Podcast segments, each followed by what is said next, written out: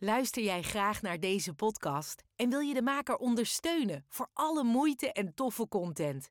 Geef dan, als je wat kan missen, een digitale fooi. Dat doe je via d.com zonder abonnement of het achterlaten van privégegevens. Dus fooiepot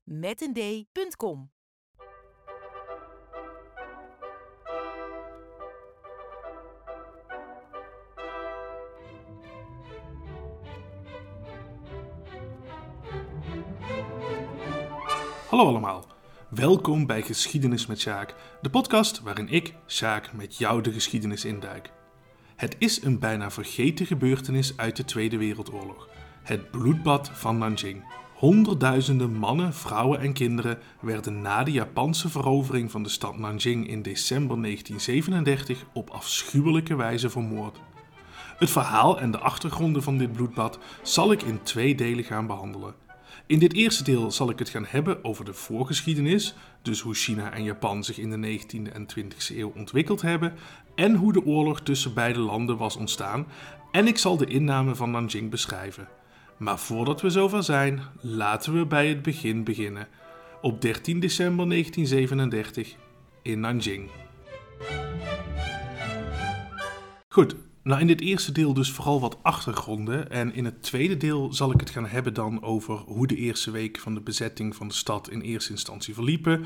Over de veiligheidszone die honderdduizenden mensen leven gered heeft. Aangeven wat mogelijke verklaringen voor het bloedbad zijn. En ik zal bespreken hoe het kan dat dat hele bloedbad van Nanjing eigenlijk een bijna vergeten episode in de geschiedenis is geworden. Voordat ik ga beginnen wil ik wel ook even twee disclaimers uh, plaatsen. En de eerste die betreft de namen. Kijk, ik heb van alle namen proberen uit te zoeken wat de juiste uitspraak is, maar ongetwijfeld maak ik hierin fouten en nou ja, dus bij voorbaat excuses daarvoor. En daarnaast, het bloedbad van Nanjing, dat was echt heel erg naar. En dan druk ik me uh, eigenlijk nog zacht uit. Sommige anekdotes en verhalen die ik in deze en de volgende aflevering ga vertellen, die zijn gewoon extreem gruwelijk. Ik ga het echter wel vertellen zoals het was, omdat ik denk dat je ook de lelijke kant van de geschiedenis gewoon moet laten zien zoals die was, omdat het afzwakken hiervan de gebeurtenissen, de slachtoffers en de daders geen recht doen. Nou, desalniettemin, ik kan me goed voorstellen dat niet iedereen hierop zit te wachten. Nou, wanneer uh, zo'n stukje komt, dan zal ik dat even zeggen en dan kun je, indien je dat wilt, uh, even doorspoelen naar een stukje verderop. Goed, 13 december 1937 dus. Dat was de dag waarop de stad Nanjing, op dat moment de hoofdstad van de Republiek China, in handen viel van het Japanse leger. En op dat moment bevonden zich naar schatting iets meer dan een half miljoen mensen in de stad. En één daarvan dat was een Amerikaanse chirurg genaamd Robert Wilson. Wilson was de zoon van Amerikaanse missionarissen en hij was geboren in Nanjing. Daar bracht hij zijn hele jeugd door tot zijn zeventiende, want toen ging hij geneeskunde studeren aan de Universiteit van Princeton. En nadat hij zijn studie had afgerond, keerde hij in 1935 weer terug in Nanjing om daar als chirurg te gaan werken in het Universitair Medisch Centrum van de stad. Nou, toen de Japanners de stad binnenkwamen, was Wilson min of meer de enige nog aanwezige chirurg. De meeste andere medici die waren namelijk gevlucht en Wilson had zelf bijvoorbeeld ook zijn vrouw en kind weggestuurd. Die zaten op dat moment alweer in de Verenigde Staten. Hij zelf bleef echter. En zo maakte hij vanuit de eerste hand de gruwelijkheden mee die zich vanaf die 13 september zouden ontspinnen. Dat hij die hele inname meemaakte was op zichzelf eigenlijk al een klein wonder, want in de ochtend van 13 december was hij bezig met een oogoperatie toen op nog geen 50 meter afstand een granaat insloeg. Nou, alle ramen die vlogen eruit, maar wonderbaarlijk genoeg is niemand gewond geraakt door het rondvliegende glas. Dit zou echter wel een voorbode gaan zijn van wat zou komen. Nou, Wilson heeft heel veel van wat hij gezien heeft in brieven beschreven en ik zal kort wat dingen vertellen die hij vermeldde. Als je liever geen gruwelijkheden hoort, dan is dit het moment om even door te spoelen naar 6 minuten en 8 seconden. Nou, Wilson beschreef onder andere hoe meteen na de inname van de stad de Japanners systematisch alle ziekenhuizen binnengingen om gewonde Chinese militairen te arresteren. Degenen die gevangen genomen werden, die werden later buiten de stad vermoord. Soms werden ze doodgeschoten, soms werden de gevangenen gebruikt als trainingsobject voor bijvoorbeeld bajonetoefeningen. De lichamen kwamen terecht in massagraven, maar Wilson hoorde ook verhalen dat lichamen werden gebruikt om anti-tankgrachten mee op te vullen, zodat de Japanse tanks makkelijk de stad konden inrijden. En als er niet genoeg soldaten waren om de grachten mee te vullen, dan werden er simpelweg wat burgers doodgeschoten. En behalve de moordpartijen stond het bloedbad van Nanjing ook bekend om de verkrachtingen. Wilson zag met eigen ogen hoe een groep Chinese tienermeisjes midden op straat in een lange rij werden gezet en vervolgens tientallen keren werden verkracht door een regiment soldaten. Sommige van die meiden liepen hierbij dusdanige verwondingen op dat ze ter plekke doodbloedden.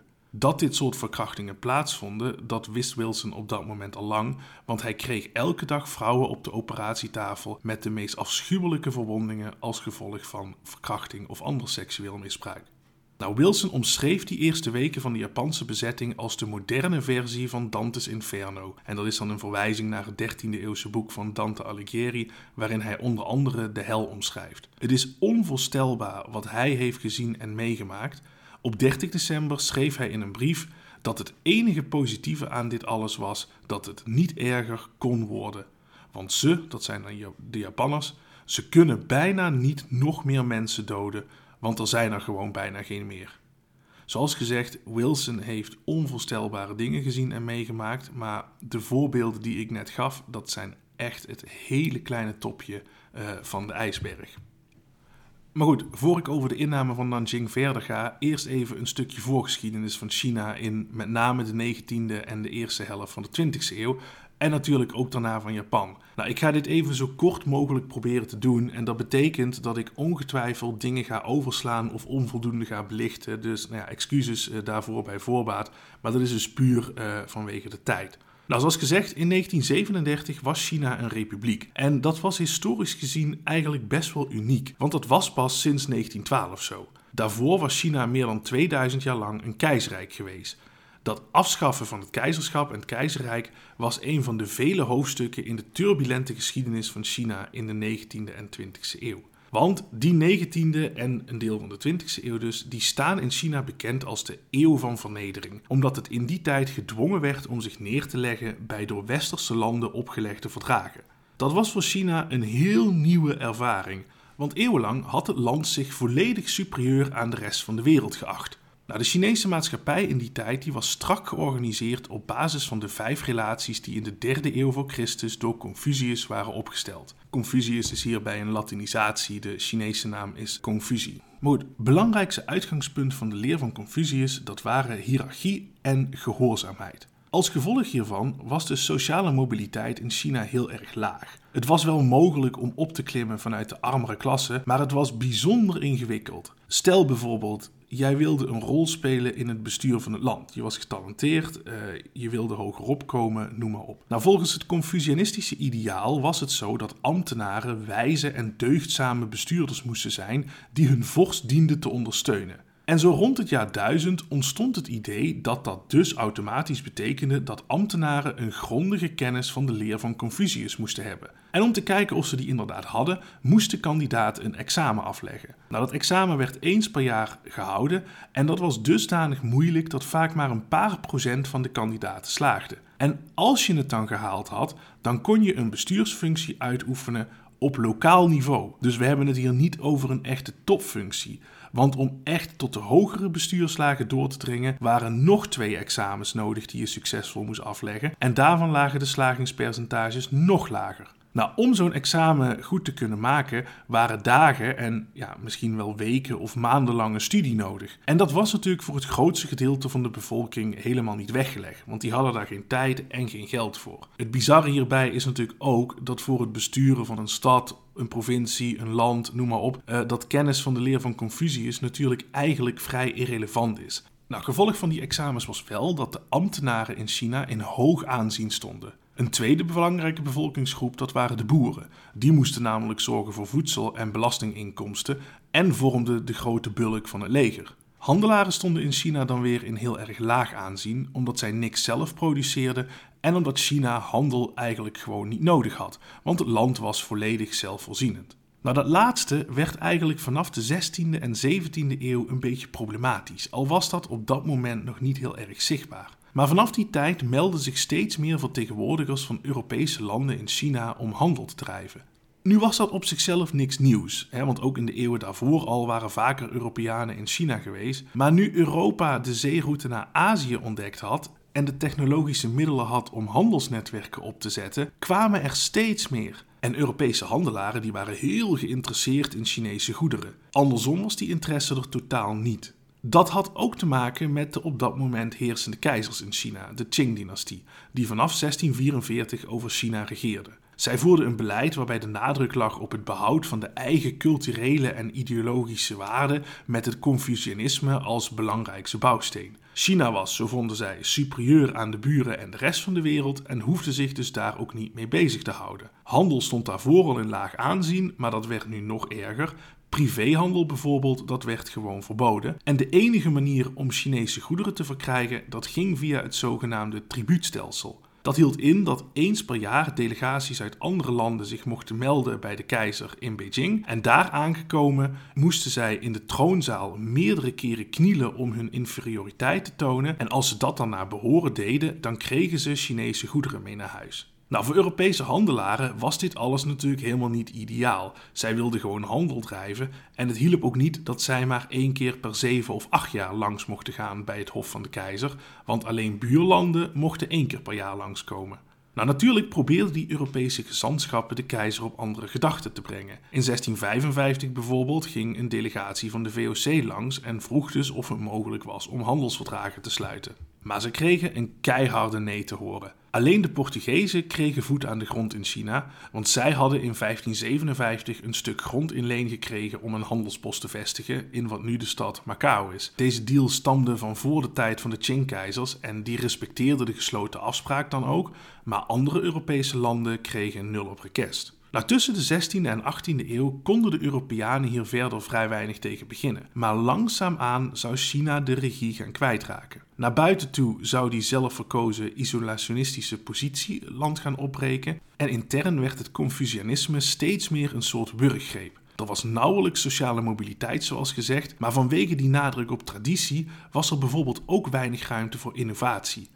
Al had dat laatste ook weer te maken met het enorme bevolkingsaantal van China. Landbouw bijvoorbeeld, dat werd in China nog grotendeels bedreven door mensenhanden. Allerlei uitvindingen die het uh, bewerken van het land gemakkelijker zouden kunnen maken, ja, die waren simpelweg niet per se nodig. Want hier moet ook gewoon bijgezegd worden: innoveren, moderniseren, het was allemaal niet per se nodig, want China had rond 1800 een prima werkende economie waarvan de landbouwsector bloeide en waarvan in elk geval de hogere klasse zich qua welvaart kon meten met bijvoorbeeld Groot-Brittannië of de Republiek. Het zou, zo hebben sommige historici betoogd, eigenlijk logisch zijn geweest als de industriële revolutie in China had plaatsgevonden in plaats van in Groot-Brittannië, maar de noodzaak hiertoe die was er simpelweg niet. Nou, om het simpelweg te zeggen, het ging goed zoals het ging. Het punt was echter, het Westen, en dat is dus Europa en de Verenigde Staten, dat innoveerde wel. En die westerlingen die werden vanuit Chinees perspectief gezien steeds brutaler. Want ondanks het handelsverbod werd er natuurlijk stiekem toch gehandeld. Dat kon via smokkel of soms zelfs via piraterij.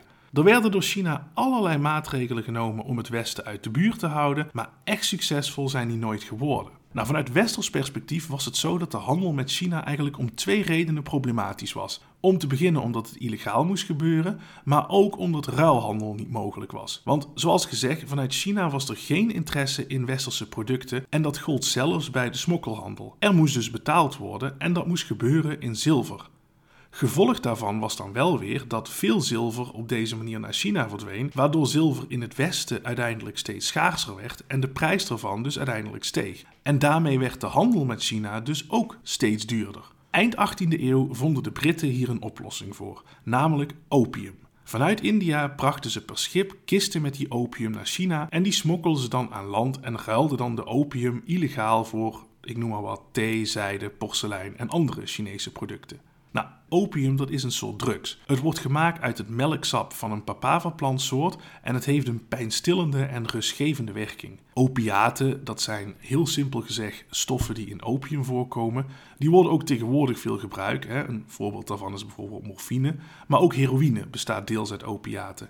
Nou, morfine is al heel erg verslavend en heroïne is dat al helemaal. En dat geldt dus ook voor opium. En al snel raakten dus als gevolg van die illegale opiumhandel door de Britten miljoenen Chinezen hieraan verslaafd. Dusdanig dat het grote economische en sociale gevolgen had in sommige regio's. Even voor de volledigheid, de Britten en later overigens ook andere westerse landen, die deden hiermee natuurlijk in feite aan drugshandel. En dat is bepaald natuurlijk niet iets moois. De Chinese overheid die was natuurlijk woedend en beperkte de bewegingsvrijheid van buitenlanders nog verder, maar het hielp allemaal niet heel erg veel. Uiteindelijk was in 1839 de maat vol en werd door de Chinezen een hele jaar voorraad opium in beslag genomen en vernietigd. De schade voor de Britten die bedroeg omgerekend zo'n 300 miljoen euro. Nou, de Chinezen die dachten dat hiermee de kous verder wel af was, maar Groot-Brittannië reageerde woedend en verklaarde de oorlog. In China vond men dit alles bespottelijk, want ja, wat moest dat kleine eilandje nou in godsnaam tegen het machtige China beginnen? De Britten die hadden op dat moment in de hele regio zo'n 16 schepen liggen en 4000 soldaten. Maar het punt was, die Britse schepen die waren wel bewapend met kanonnen en vier daarvan die hadden zelfs al een stoommachine aan boord. De Chinese vloot die bestond voornamelijk uit houten jonken, dus eigenlijk nog gewoon middeleeuwse schepen. En ondanks dat die natuurlijk een enorm numeriek overwicht hadden, waren ze volledig kansloos tegen de moderne Britse marine. Na enkele nederlagen zag China zich dan ook gedwongen om te onderhandelen. In Nanjing werd een verdrag opgesteld waarin China onder andere gedwongen werd te accepteren dat vijf havens werden opengesteld waar de Britten vrijhandel mochten drijven, dat de Britse inwoners van deze havens aan de Britse rechtspraak onderworpen zouden zijn en dus niet aan de Chinese rechtspraak, en dat Groot-Brittannië een permanente handelspost kreeg in Hongkong, dat door China voor 150 jaar aan de Britten werd verpacht. En daarnaast moest China de diplomatieke gelijkwaardigheid van Groot-Brittannië erkennen. Nou, dat verdrag van Nanjing werd als een ongelofelijke vernedering beschouwd in China. Zeker toen in de nasleep daarvan ook andere westerse landen vergelijkbare verdragen kwamen eisen. Nou, China ging daarmee akkoord omdat ze bang waren voor verdere nederlagen in oorlogen, maar het bleef die verdragen eigenlijk altijd beschouwen als oneerlijk en kwam ze dus ook nauwelijks na.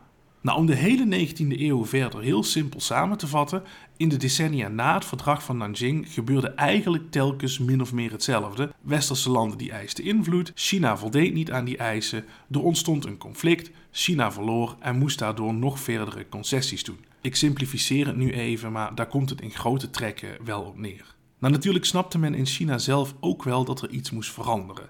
En er werden allerlei moderniseringspogingen gedaan, maar om uiteenlopende redenen mislukte die eigenlijk alle. In de kern kwam het erop neer dat het Chinese systeem gewoon te vastgeroest was. Vanaf eind 19e eeuw kwamen er naast de westerse landen nog een andere geduchte concurrent bij, namelijk Japan.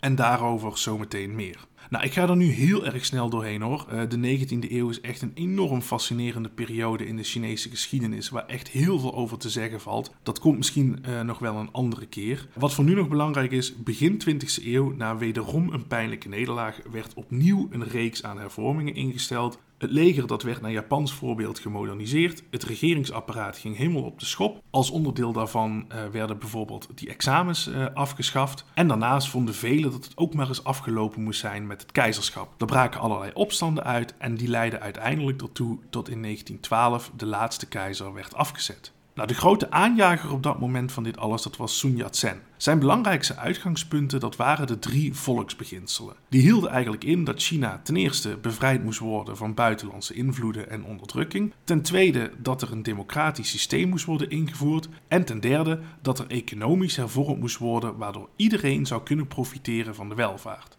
Nou, uiteindelijk had Sun Yat-sen dus succes. Hè. De keizer werd afgezet, de republiek werd uitgeroepen. En een van de laatste opdrachten van de keizer was dat hij een generaal aanstelde, Guan Shikai. En die kreeg de opdracht om de republiek en de stichting daarvan dat verder uit te werken. Nou, Sun Yat-sen die ging daarmee akkoord, maar die generaal die had een heel eigen agenda. Tijdens de verkiezingen van 1913 behaalde de partij van Sun, dat was de uh, Nationale Volkspartij, oftewel de Kuomintang of afgekort de KMT. Ik zal de KMT als afkorting gaan gebruiken vanaf nu. Die wonnen uh, de verkiezingen, maar de generaal weigerde om de partij van Sun Yat-sen in de regering toe te laten. Hij liet enkele politieke tegenstanders vermoorden en vanaf dat moment heerste hij als een soort dictator. Kortom, ondanks dat China nu een republiek was, was het nog steeds een enorme chaos. En hier kwam bij dat ondertussen de Eerste Wereldoorlog uit was gebroken.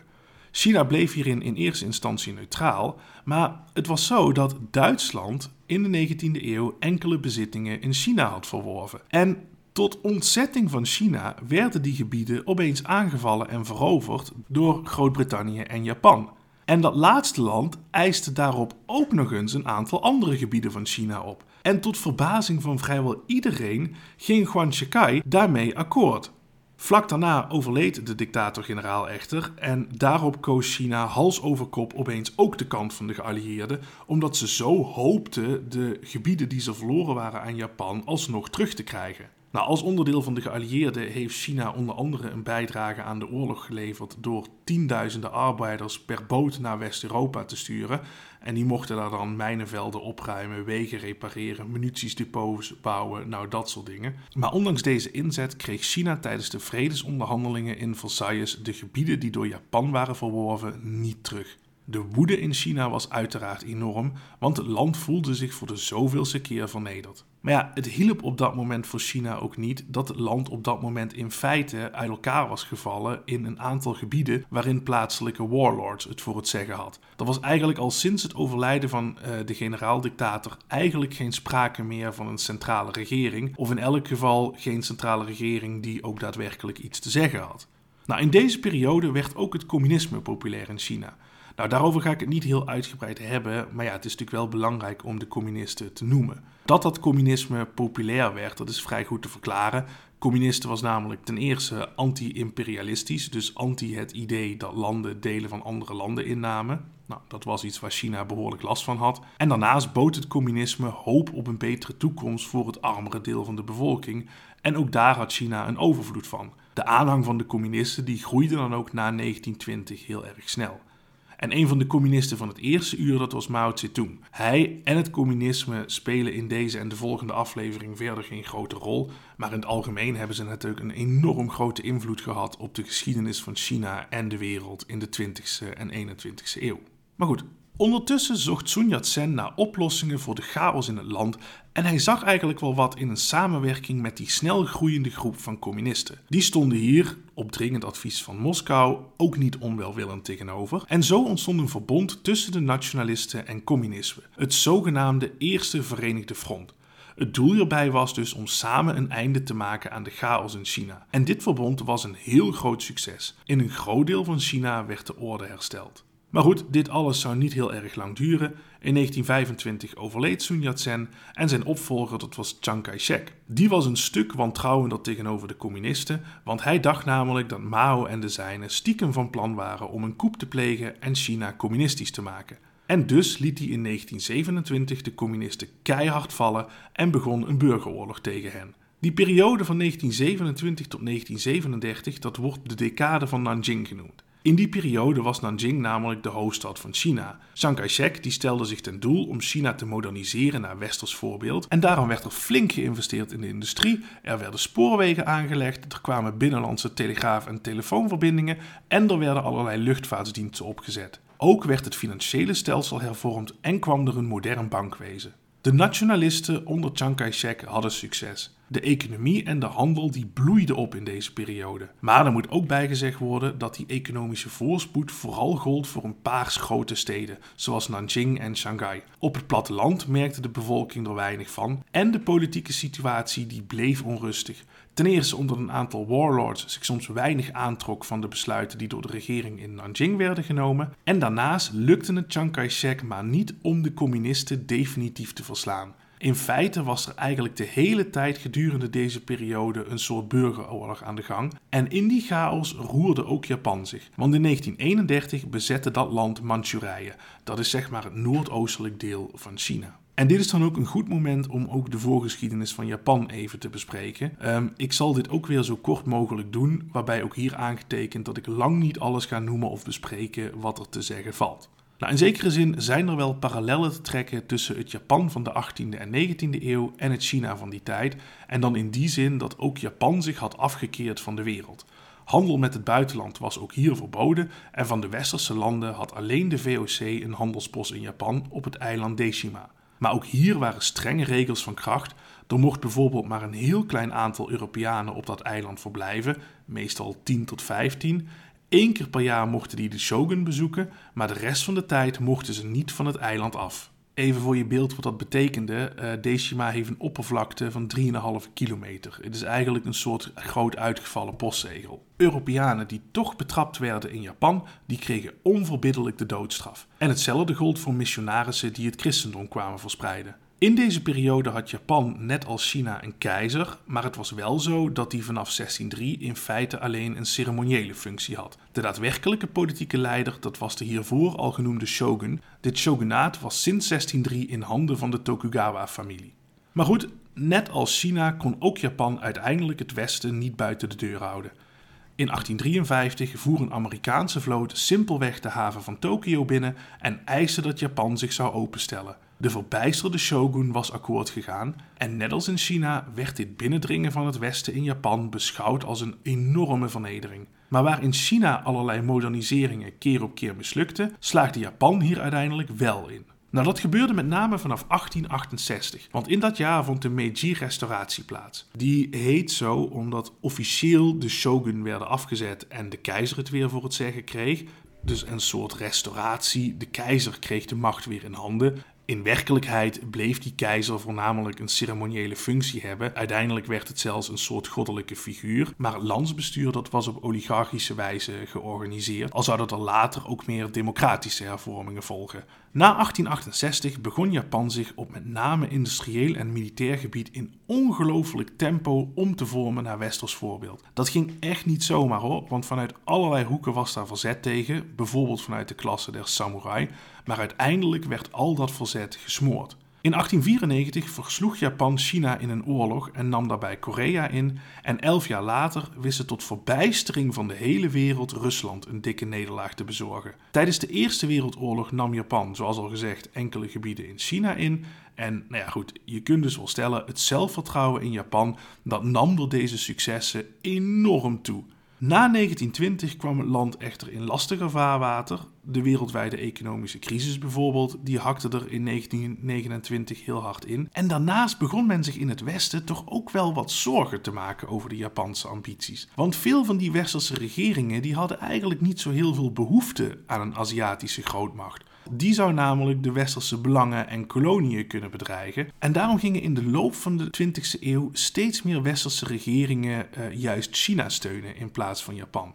Nou, als gevolg hiervan werd de economische situatie in Japan natuurlijk nog slechter. En daar kwam bij dat men zich in Japan ook wel een beetje genaaid voelde. Want waarom kozen die andere landen de kant van China en gunden zij Japan niks? Nou, in deze situatie ontstond onder een deel van de Japanse elite het idee dat de oplossing voor dit alles verdere territoriale expansie was. Dus gewoon meer gebieden veroveren. Daardoor zou namelijk de economie weer kunnen herstellen, dan zouden er namelijk afzetmarkten beschikbaar worden en er zou een grotere toegang tot allerlei grondstoffen uh, ontstaan. En los van dat Aangezien Japan duidelijk militair superieur was aan zijn buren, had het land natuurlijk eigenlijk gewoon recht op een groter rijk en daar hadden die westerse regeringen zich gewoon niet mee te bemoeien. Het meest genoemde potentiële slachtoffer van die expansiedrang dat was China, want volgens sommige Japanners had China simpelweg de boot gemist.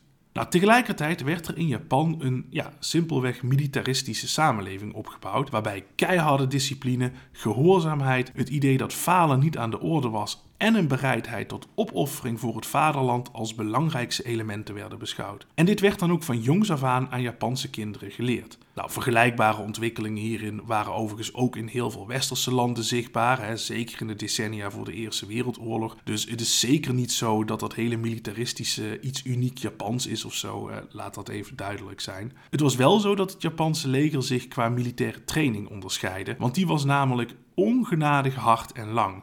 In Groot-Brittannië bijvoorbeeld trainden recruten zo'n 1500 uur, zowel gezamenlijk als individueel. In Japan was dat meer dan 6000 uur.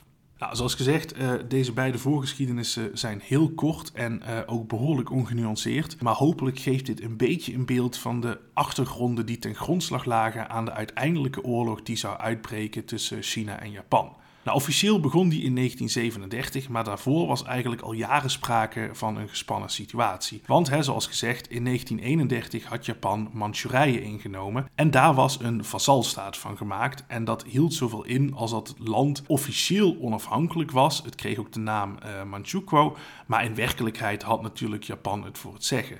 Om Manchukuo toch een zweem van legitimiteit te geven, hadden de Japanners overigens de laatste Chinese keizer naar het gebied gehaald en die officieel gekroond tot keizer.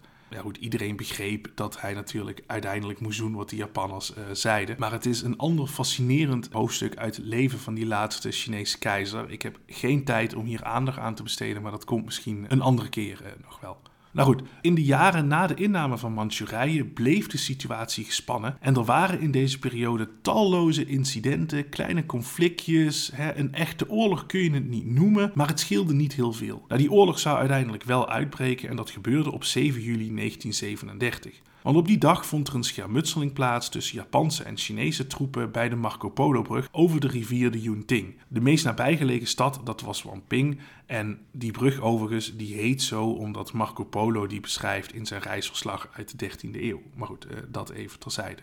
Nou, nu was het zo, Japan had eerder afgedwongen bij China dat Japanse troepen oefeningen mochten houden op Chinees grondgebied. Maar goed, daarbij ontstond dus die schermutseling bij de brug. Er werd over en weer geschoten en er vielen weliswaar geen doden, maar toch misten de Japanners na afloop een van hun soldaten en zij dachten dat de Chinezen deze gevangen hadden genomen. Nou, Japan verzocht daarop de Chinese autoriteiten om de daders op te sporen en om toegang te krijgen tot de stad Wanping, waar die Japanse soldaat zou zitten. Nou, China weigerde dit en daarop besloot Japan dus maar om dan de stad maar met geweld in te nemen. Nou, dit accepteerden de Chinezen weer niet en ze vochten terug. En als reactie daarop eiste Japan excuses. En als die niet zouden komen, dan zou er een verdere militaire escalatie volgen. China weigerde en daarmee was de oorlog een feit. Nou, in zekere zin vormt dat hele Marco Polo-brug-incident het begin van de Tweede Wereldoorlog. Vanuit ons westerse perspectief begon die oorlog natuurlijk op 1 september 1939 met de invasie van Polen. Maar ja, de oorlog in Azië is natuurlijk net zo goed een onderdeel van de Tweede Wereldoorlog. En dus valt er best iets te zeggen voor die datering van 1937.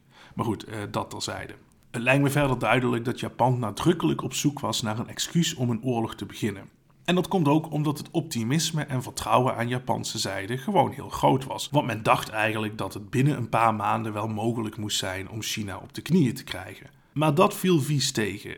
Het Chinese leger was dan weliswaar veel minder modern, maar zij beschikte wel over een heel groot numeriek overwicht en ze verzetten zich tot het uiterste, iets dat de Japanners eigenlijk niet verwacht hadden. In augustus 1937 viel het Japanse leger Shanghai aan, maar die stad viel pas in november en die verovering ging ten koste van bijna 60.000 doden en gewonden. Nou, voor de inwoners van Nanjing was de val van Shanghai slecht nieuws, want Nanjing was de volgende grote stad die op de route van het Japanse leger naar het zuiden lag. En de Japanners zouden Nanjing echt niet links laten liggen, want het was zoals gezegd immers officieel de hoofdstad van de Republiek China. Klein beetje voorgeschiedenis van Nanjing ook, want het is een stad met een enorme rijke geschiedenis. Al in de vierde eeuw was het enkele eeuwen de hoofdstad van China geweest. En dat zou het dus ook later nog enkele keren zijn, waaronder dus in 1937. En die stad die lag eigenlijk op een heel gunstig strategisch punt. Precies ingeklemd tussen de Yangtze-rivier in het westen en een grote berg in het oosten. En door die ligging was het al duizenden jaren lang een belangrijk handelscentrum. En daarnaast was het een groot centrum van kennis. De Universiteit van Nanjing die is al in 258 na Christus gesticht. De ligging van de stad, dus tussen rivier en berg, die zorgde ook voor een behoorlijke natuurlijke bescherming. En daarnaast werd de stad door een enorme stadsmuur omringd, die door een 16e-eeuwse Europese missionaris werd omschreven als een van de wonderen van de wereld. Nou, in 1937 woonden er ongeveer een miljoen mensen in uh, Nanjing. Een groot deel daarvan was in de aanloop na de Japanse aanval op de stad gevlucht, maar desalniettemin bevonden zich in december 1937 nog zo'n half miljoen mensen in de stad. En dat zijn dan burgers en soldaten bij elkaar opgeteld. Ik hou even dit aantal aan, maar het is wel zo dat dit een beetje een gok is. Want precieze getallen geven is heel erg lastig in deze. De schattingen van verschillende historici die lopen enorm uit elkaar. Het probleem is namelijk dat een groot deel van de oorspronkelijke inwoners gevlucht was, maar dat daarvoor in de plaats weer honderdduizenden andere vluchtelingen waren gekomen. Plus nog een grote hoeveelheid militairen. En op dat moment was natuurlijk niemand bezig met precies bijhouden hoeveel mensen er precies in de stad waren. Maar goed, de regering van Chiang Kai-shek die stond na de val van Shanghai voor een moeilijke keuze. Moesten ze nou Nanjing tot het uiterste verdedigen? Of was het verstandiger om de stad met de hele regering te ontvluchten? Nou, uiteindelijk besloot men tot een middenweg. Chiang Kai-shek en de regering en de belangrijkste ambtenaren en dergelijke, die zouden de stad verlaten. Maar de stad zelf moest wel verdedigd worden, want zo zou de Japanse opmars vertraagd kunnen worden en kon tijd worden gewonnen om het Chinese leger te organiseren. Tang Chengxi, een generaal die deel uitmaakte van de staf van Chiang Kai-shek, die kreeg de leiding.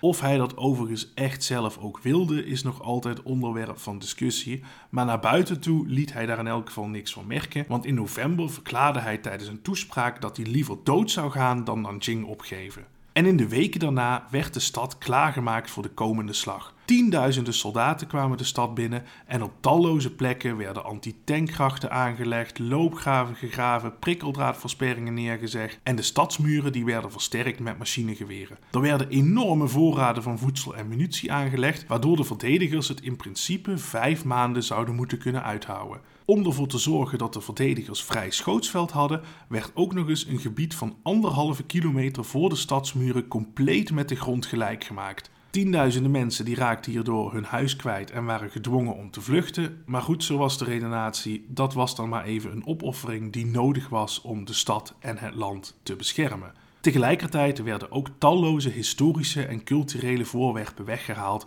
om die te beschermen tegen naderende oorlogsgeweld. Maar ondanks al deze voorbereidingen en ondanks dat er naar schatting meer dan 150.000 Chinese soldaten in de stad waren, zou de stad binnen enkele dagen vallen. Er zijn een aantal verklaringen waarom dit zo snel gebeurde. Nou, dat heeft om te beginnen ermee te maken dat Japan een vrijwel volledig luchtoverwicht had. De Chinese luchtmacht die was sowieso numeriek enorm in het nadeel. Voor elk vliegtuig dat de Chinese luchtmacht had, hadden de Japanners er 10. En om die beperkte hoeveelheid te beschermen, was besloten dat de luchtmacht geen rol zou spelen in de verdediging van Nanjing. Het probleem was echter wel dat daardoor Japanse vliegtuigen vrij ongehinderd de stad en de Chinese linies konden bestoken. En bovendien hadden de Chinese verdedigers door het gebrek aan die luchtmacht eigenlijk nauwelijks inlichtingen van de bewegingen van het Japanse leger. Dat was een enorm nadeel, want zonder deze informatie was ook de artillerie in feite nutteloos, want die hadden geen idee waar ze nou eigenlijk op moesten schieten. Wat daarbij ook niet hielp, dat was dat de regeringsofficials een groot deel van de communicatiemiddelen die er waren tijdens hun vlucht hadden meegenomen. Daardoor was het dus heel erg moeilijk om tussen de verschillende legereenheden te communiceren en een gecoördineerde verdediging die werd daardoor ja, vrijwel onmogelijk eigenlijk. En wat de communicatie nog verder bemoeilijkte, dat was dat Chinese troepen vaak verschillende talen spraken. De Chinese taal die kent namelijk een heel aantal varianten en de twee meest gesproken hiervan, dat zijn Kantonees en Mandarijn, die verschillen compleet met elkaar. En bij dit alles kwam ook nog eens dat het grootste gedeelte van de soldaten vaak nauwelijks getraind was. Nou, tel dit alles bij elkaar op en er was dus weliswaar wel sprake van een groot Chinees leger, maar er was nauwelijks samenhang tussen de verschillende eenheden en daardoor was het voor de Japanners eigenlijk relatief eenvoudig om één voor één de verschillende verzetshaarden uit te schakelen. Het hielp daarbij natuurlijk ook dat de Japanners veel beter getraind waren en ook qua bewapening een veel moderner leger hadden. Nou, de Japanners die naderden de stad vanaf drie kanten. Omdat de Yangtze-rivier de stad aan de ene kant insloot, konden ze zo Nanjing eigenlijk relatief makkelijk omsingelen. Vanaf begin december begonnen de eerste gevechten in de voorsteden en de eerste tekenen van hoe de Japanners zich zouden gedragen, die werden ook al duidelijk, want hele dorpen die werden met de grond gelijk gemaakt en de inwoners vermoord en verkracht. Langzaam maar zeker boekten de Japanners vooruitgang en op 9 december eisten ze de overgave van de stad. En dat moest, zoals de eis, binnen 24 uur geregeld worden.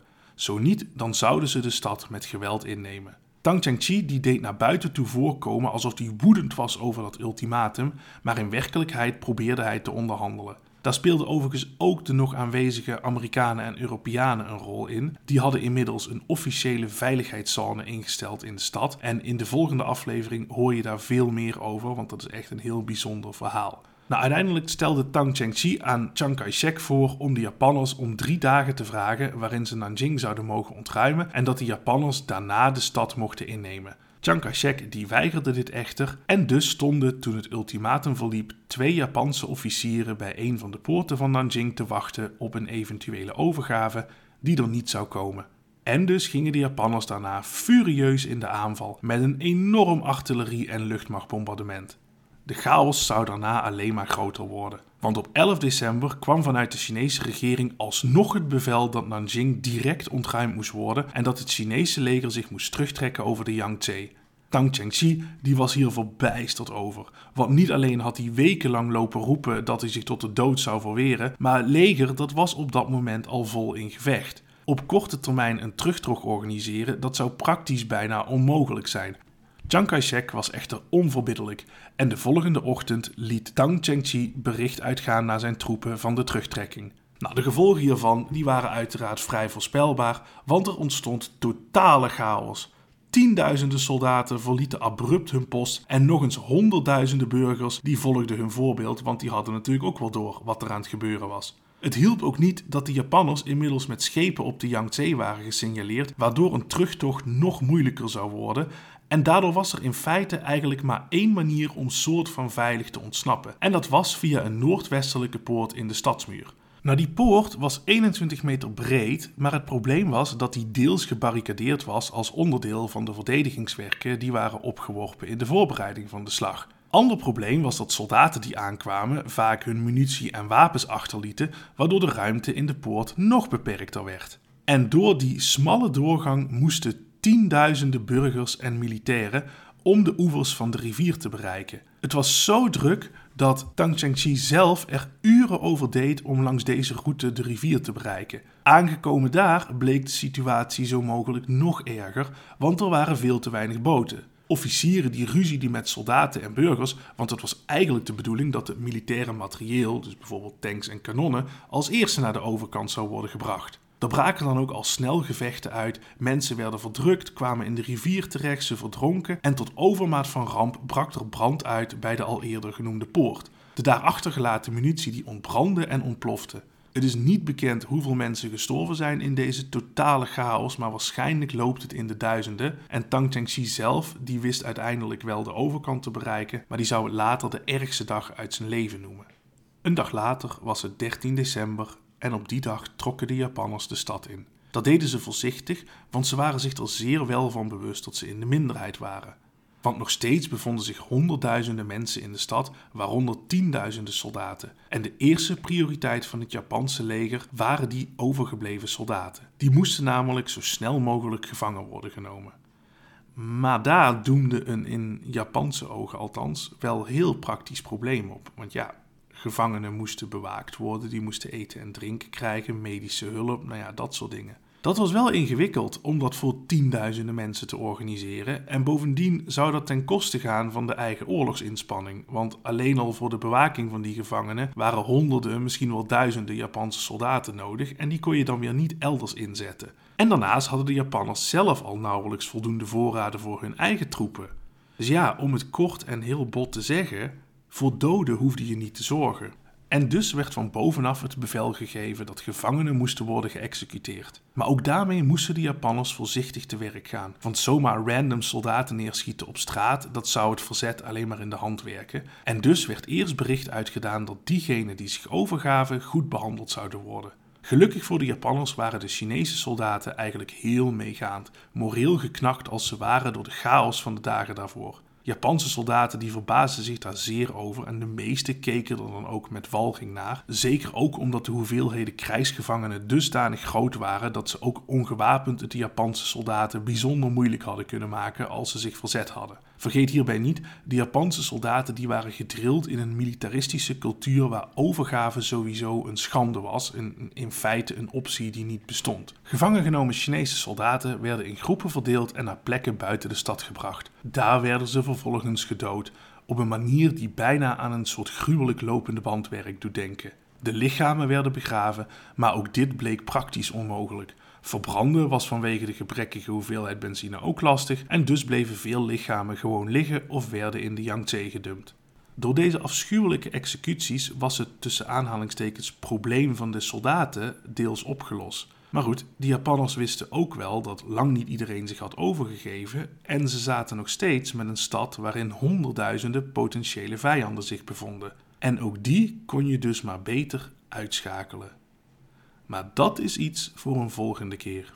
Nou, tijdens die volgende aflevering zal ik beschrijven hoe de inname van Nanjing verder in zijn werk ging. En ik zal daarbij aandacht besteden aan de gruwelijkheden, maar ook aan het bijna ongelooflijke verhaal van de veiligheidszone in de stad. En ik zal ook ingaan op de vraag hoe deze nou ja, bijna zieke explosie van geweld nou geduid moet worden en hoe hier in later jaren naar gekeken is. Mocht je ondertussen meer over dit onderwerp willen weten, ik heb voor deze en de volgende aflevering heel veel gehad aan het boek The Rape of Nanking van Iris Chang. Dit werk dateert uit de jaren 90 en was destijds baanbrekend, omdat het het bloedbad van Nanjing en de daarbij behorende gruwelijkheden voor het eerst in decennia weer onder de ogen van met name de westerse wereld bracht. Nou, en daarnaast vind je op de Facebook- en Instagram-pagina van deze podcast wat plaatjes en kaartjes ter ondersteuning van hetgeen ik in deze aflevering verteld heb. En daarnaast vind je Geschiedenis met Sjaak een leuke podcast en wil je de show steunen, dan kan dat sinds kort via fooiepot.com forward slash geschiedenis met Sjaak.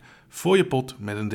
Via fooiepot.com kun je geheel vrijblijvend een donatie doen, waarbij je zelf mag bepalen hoe groot of klein die is, maar die in alle gevallen enorm gewaardeerd wordt door mij. Dit kan dus via fooiepot.com forward slash geschiedenis met Sjaak. Je vindt ook hiervan een link in de show notes.